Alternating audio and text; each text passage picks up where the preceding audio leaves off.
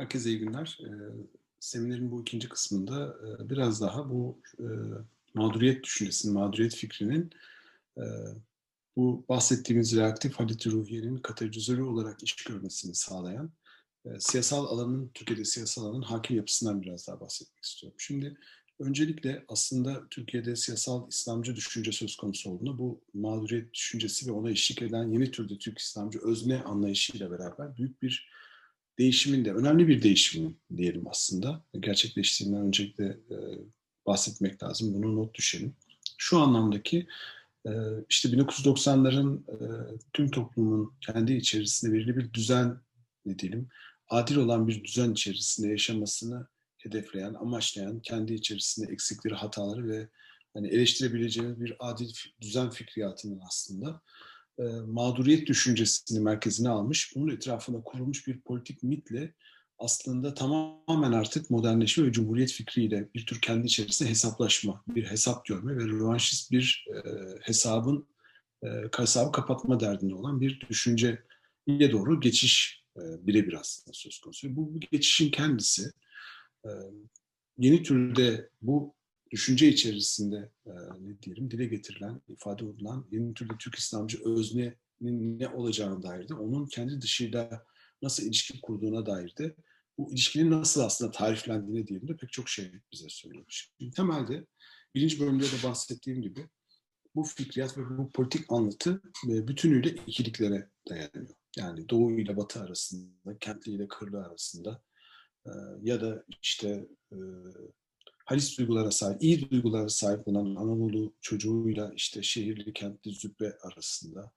Ama bir yani do, e, maddiyatçı olan e, Batı ile daha ruhani olan e, Doğu arasındaki bir tür mücadele fikriyatına yaslanıyor. Ve bu, bu mücadelenin içerisinde de aslında bu ikisi arasındaki ilişkiyi bir tür hep sürekli zulmeden ve zulmedilen ilişkisi olarak tarifliyor. Ee, Nurettin Topçu'nun, Ziyaettin Fahri Fındıkoğlu'nun yazılarında da göreceğiniz gibi e, Necmi Erdoğan ve Tanrı Boran'ın e, e, çok güzel makalesinde bu makaleyi de önerilen makaleler kısmından seminerin sonunda görebilirsiniz. Okuyacağınız gibi aslında zulmü her yerde gören ve kendi dışındaki dünyayı da sürekli olarak kendine zulmeden olarak tarifleyen en uç noktasında vardır bir fikriyattan bahsediyoruz. Şimdi e, Cumhurbaşkanı Erdoğan ve kanaat teknikerleri, bunu destekleyen kanaat teknikerleri, Erdoğan ve kanaat teknikerleri bir anlamda bu söylemin kendisini ne diyelim e, bir tür tarihsel mit haline e, getiren bir aksa oturttular. Ve burada da asıl yardımlarına koşan kişi Necip Fazıl Kısakürek oldu. Yani Necip Fazıl Kısakürek bir anlamda bu politik mitin kurucusu olarak iş gördü. Şimdi peki bu düşüncenin kendisi nasıl iş görüyor? Yani bunun kendisinin başarılı olmasını olanaklı kılan şeyin nerelerde aramamız lazım? Şimdi seminerin başında Adorno'nun bizde çok haklı bir uyarıda bulunduğunu, bakmamız gereken şeyin e, otoriter ideolojilerden önce, yani onların içeriklerinden önce aslında onları etkili kılan kültürel iklim olduğunu bize söylüyordu. Çünkü e, bu tür otoriter ideolojiler ve anlayışlar ancak kendilerini e, genel kültürel iklimi haline getirdiklerinde bahsettikleri reaktif olma halini, reaktif siyasal ideolojiyi ya da reaktif siyasal kültürleri genelleştirebildiklerinde başarılı oluyorlar. Bu anlamda bu genelliğin kurulmasında da Türkiye'deki siyasal alanın karakteri çok kritik bir e, rol oynadı demek mümkün. Yani Türkiye'deki siyasal alanın sınırlı doğası aslında e, böyle bir siyasal anlayışın ve ideolojinin e, kitlelerin mobilize edilmesinde kritik bir rol oynadığını, e, bunu kolaylaştırdığını, olanaklı hale getirdiğini e, söylemek mümkün. Çünkü temelde aslında Türkiye'de siyasal grupların oluşumu ve onlara eşlik eden o habitüel yapıları, siyasal habitüsü, habitüsün kilidi bu siyasal alanın bu temel özelliklerinde saklı. Bunlardan neyi kastediyorum? Türkiye siyaseti temelde e, sembollere dayalı bir siyaset. Yani sembolik bir siyaset, sembolik siyasetin temel özelliklerini içerisinde barındıran bir siyaset. Çok uzun yıllar Türkiye siyaseti e, sem, hangi sembollerin kamusal alanda görüleceğine, hangi sembollerin görünmeyeceğine e, dayalı oldu. E, bu, bu özelliği hala da devam ediyor. Özellikle bu son dönemdeki e, otoriterleşme ile beraber e, bu özelliği yeniden Türk Türkiye siyasetinin pekişti ve derinleşti aslında. Yani kamusal alanda hangi sembollerin görünüp görünmeyeceği, hangi sembollerin, semboller arası ilişkilerin nasıl düzenleneceği siyasetin ta kendisi olarak aslında açığa çıkıyor, ortaya çıkıyor bir anlamda. Yani çok çeşitli sembollerden bahsetmek mümkün. Bunlardan e, tabii son dönemi en çok damgasını vuranlardan biri türban oldu biliyorsunuz. E, türban tartışması oldu. E, bu Atatürk büstü de olabiliyor. Bu bazen poşu olabiliyor. Bu bazen Hazreti Ali kılıcı oluyor. Vesaire vesaire aslında. Ya da sekülerleşmeye dair kadınların e, e, giyimlerine tarz, dair e, bir gösterge olabiliyor. Ya da LGBTİ bireylerin e, kendilerini karakterize ettiklerini düşündükleri e, semboller, nesnelerle ilgili bir e, şeyin kamusal alanda görünürlüğüyle ilgili bir e, yasaklama şeklinde açığa çıkabiliyor. Ama temelde siyaset bu sembollerin e, hani nereye oturtulacağıyla ilgili, e, kamusal alanda nasıl var olacağıyla ilgili bir tartışma olarak sürüyor. Çünkü aslında sembollerin siyasal alanda görünürlükleri siyasal grupların da siyasal alandaki meşruiyetleriyle ilgili doğrudan e, bir fikir veriyor bize. E, ancak o siyasal e, semboller, siyasal görünürlük kazandığında siyasal gruplar da kendilerini daha meşru, siyasal alanın bir parçası gibi hissediyorlar, hareket ediyorlar. Ee, ve de bu sembolleri dolaşımda tutmaya ya da bu siyasal alanda varlıklarını savunmaya, kendilerini kendi varlıklarını bunlar aracılığıyla ifade etmeye e, gayret ediyorlar. Şimdi sembollere eşlik eden bir diğer çok önemli şey de kanaatler. Özellikle e, bu Türkiye'deki son dönemdeki siyasal kutuplaşma e, tekrar açığa vurdu ki siyasal grupların oluşumunda siyasal grupların birbirlerini e, kendilerini inşa etmesinde ve birbirleri arasındaki ilişkileri düzenlemesinde bu kanatlar çok kritik bir rol oynuyorlar. Çünkü kanatlar, kanaatleri taşımak e, aynı zamanda belirli bir siyasal grubun e, parçası olduğunu ya da o siyasal grubu grubun anlam dünyasını onayladığını, sahiplendiğini de aynı zamanda ifade ediyor.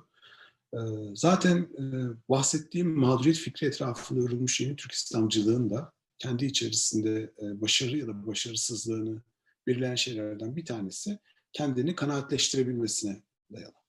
Tam da bu yüzden Erdoğan'ı destekleyen kanaat teknikerleri sürekli olarak aslında bu kanaatleri dolaşımda ve gündemde tutmaya çalışıyor. Ya da Erdoğan, işte Cumhurbaşkanı Erdoğan sürekli olarak bunu gençlere anlatmamız lazım aslında her şeyin altında CHP zihniyetinin yattığını, e, her şeyden onun sorumlu tutmamız gerektiğini ya da onun sorumlu olduğunu bir anlamda aslında çok iyi anlatmamız, dile getirmemiz lazım diyor. Çünkü onların anlam ve referans dünyasında belli ki bu çok bir yere oturmuyor. Yani böyle bir e, kaygı var. E, fakat işte Yeni Akit'ten Yeni Şafak'a kadar bakarsanız pek çok iktidar taraftarı olan, medyada yer alan kanaat teknikerleri bu kanaati sürekli gündemde tutarak aslında bu politik miti beslemeye çalışıyorlar. Ama şunu da belirtmek lazım. Kanaatler ya da kanaat taşıyıcısı olmak ya da kanaat teknikerleri sadece e, Türkiye'de Türk İslamcı kesime özgü bir şey de değil.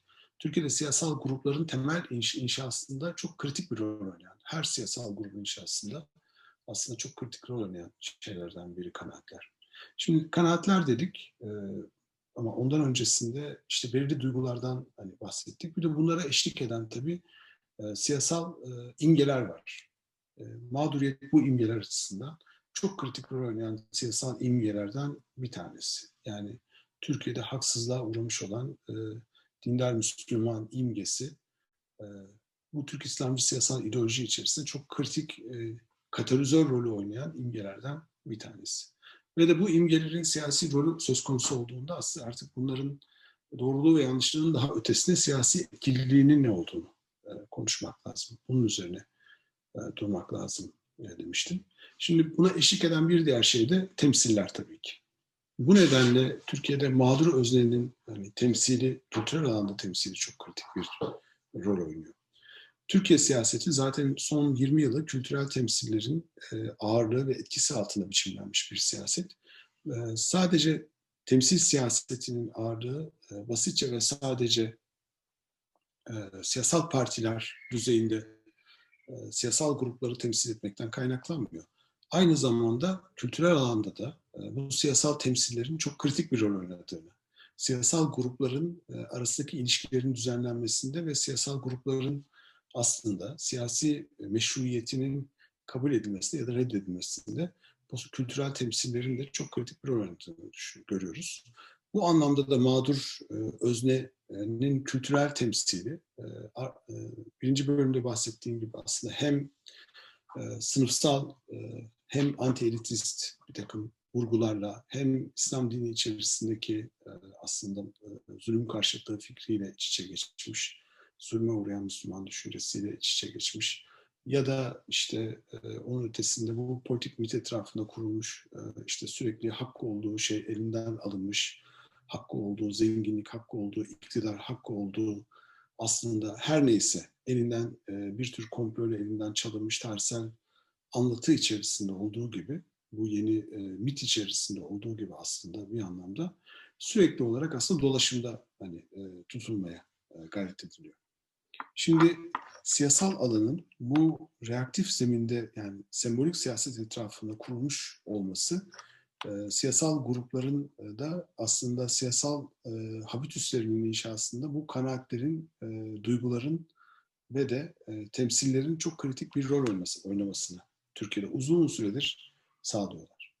Şimdi Erdoğan aslında e, Türk İslamcılar yeniden sarılırken e, ve bütünüyle e, kendi içerisindeki kısmi olan hegemonik dili reddederek, yani terk ederek bunun içerisinde de hani milliyetçi ve İslamcı bir takım vurgular olduğunu söylemek mümkündü. Yani sürekli olarak zaten hani e, ne milliyetçiliği reddediyordu bir bütün olarak aslında Türk milliyetçiliği ne de İslamcı damarı bir bütün olarak reddediyordu. Ama çok açıktır ki milli görüşün e, dile getirdiğinden farklı bir şekilde artık e, bunları tariflemeye başlamıştı.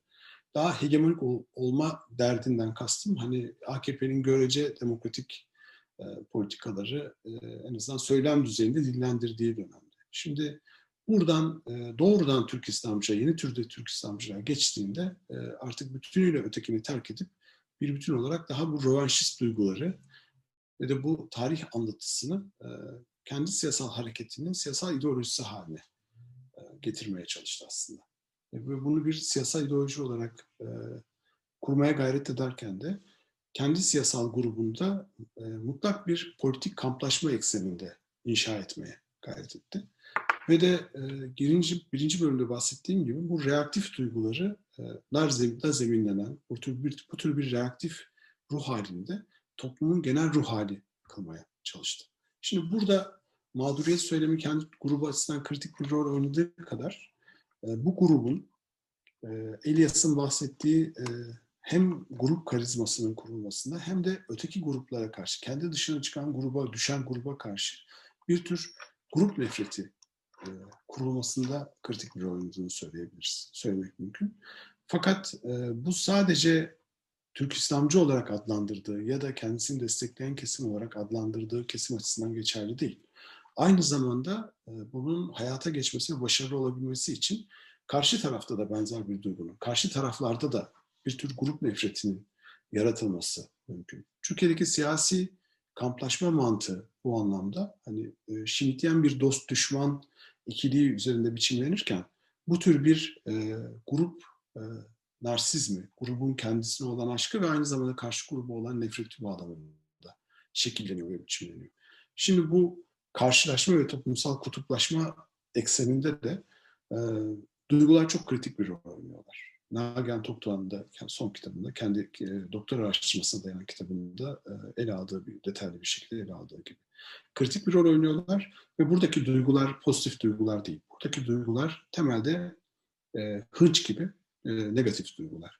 Hınç, nefret, öfke gibi e, daha negatif duygular. Ve aynı zamanda da bu duygular e, hem e, grubun mobilize olmasını e, sağlarken hem de e, seminerin başında söylediğim siyasal tutumların siyasal reflekslere çevrilmesini e, sağlayacak e, kısa yolların inşa edilmesini sağlıyor. Yani e, karşılaşmaları olanaksızlaştıran, teması koparan, siyasal gruplar arasındaki siyasal grup kimliğini mümkün mertebe homojenleştirmeye çalışan, örneğin işte Türk İslamcı ideoloji ekseninde homojenleştirmeye mümkün olduğu kadar gayret eden ya da homojenlik olmadığı durumda da o varmış gibi bir kültürel ve siyasal temsil kur, kurmaya özel olarak gayret eden, sadece kendi kurduğu kültürel temsili değil, değil bu amaçla e, karşı kültürel, kendisine yönelik karşı taraftan gelen kültürel temsilleri de e, işte bakın bize dair fikirleri bu, biz buyuz e, diye özellikle gündemde tutmaya çalışan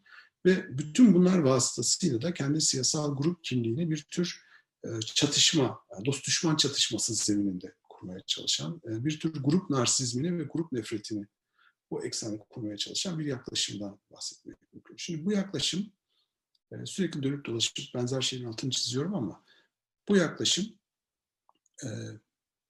kendisini genelleştirebildiği ölçüde bu reaktifliği başka toplumsal kesimlerin ve grupların ya da siyasi muarızlarının da dili kılabildiği ölçüde bu siyasal kültürü Türkiye'nin genel yegane siyasal kültürü haline getirebildiği ölçüde başarılı oluyor. Bu anlamda da doğruluğu ve yanlışlığının çok ötesinde karşı tarafta da bir sürekli reaksiyon yarattığını bildiği bir politik miti sürekli gündemde tutmak, o politik miti sürekli dolaşımda tutmak, o politik miti artık yavanlaşmış olan, artık hani Türkiye tarihi açısından bir karşılığı, çok da bir karşılığı olmadığını bildiğimiz politik miti sürekli dillendirmek kritik bir rol oynuyor. Çünkü bu bunun kendisi üçüncü bölümde çok kısa konuş, kısaca konuşacağımız gibi belirli siyasal duyguların aslında sürekli olarak yaratılmasına ve bu siyasal duygular aracılığıyla da belirli siyasal tutumların siyasi reaksiyonlara ve reflekslere dönüştürülmesini hem sağlıyor hem de bunda kilit bir rol e, oynuyor. Şimdi üçüncü bölümde çok kısaca e, bu bağlamda hınç ve paranoyak e, kaygı fikrini ve düşüncesini beraber tartışacağız.